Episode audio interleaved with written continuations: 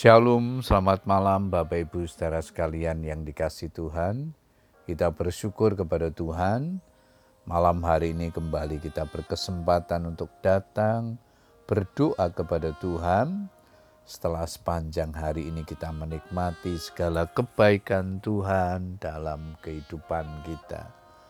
Malam hari ini sebelum kita berdoa, saya akan membagikan firman Tuhan yang malam ini diberikan tema mengerjakan panggilan Tuhan. Ayat mas kita di dalam 2 Petrus 1 ayat yang ke-10 firman Tuhan berkata demikian.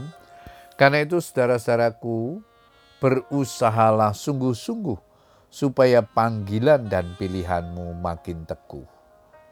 Bapak Ibu Saudara sekalian, setiap orang percaya dipanggil untuk menjadi orang-orang yang berbeda dengan dunia ini dan dipanggil untuk mengerjakan amanat agungnya. Karena itu Rasul Petrus menasehati agar bersungguh-sungguh dalam menjalani kehidupan kekristenan. Berusaha sungguh-sungguh dalam menjalani kehidupan berarti melakukan segala sesuatu sepenuh hati, tidak asal-asalan, tidak main-main, tidak setengah-setengah kamu harus dengan sungguh-sungguh berusaha untuk menambahkan kepada imanmu kebajikan dan kepada kebajikan pengetahuan dan kepada pengetahuan penguasaan diri, kepada penguasaan diri ketekunan dan kepada ketekunan kesalehan dan kepada kesalehan kasih akan saudara-saudara dan kepada kasih akan saudara-saudara, kasih akan semua orang. Berusaha sungguh-sungguh juga berarti berusaha dengan tidak mengandalkan kekuatan sendiri, tetapi melibatkan Tuhan. Di tengah dunia yang dipenuhi dengan kejahatan ini, mampukah kita hidup melawan arus yang ada?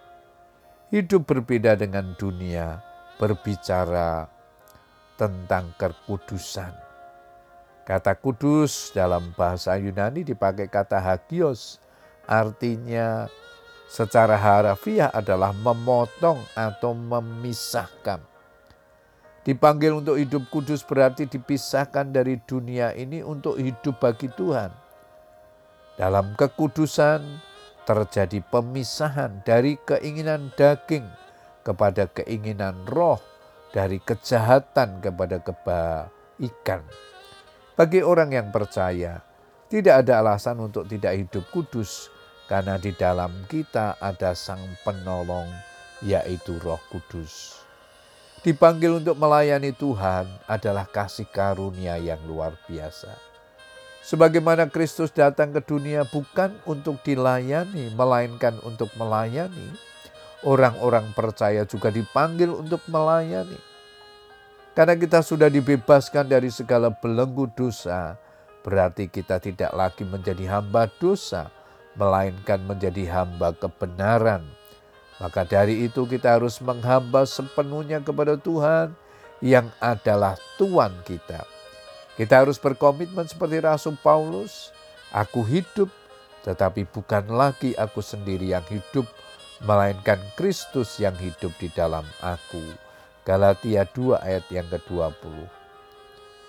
Wujud respon kita terhadap panggilan Tuhan adalah berkomitmen untuk hidup benar dan semakin giat melayani pekerjaannya. Puji Tuhan Bapak Saudara sekalian, ialah kebenaran firman Tuhan ini menjadi berkat di dalam kehidupan kita. Selamat berdoa dengan keluarga kita. Tetap semangat berdoa. Tuhan Yesus memberkati. Amin.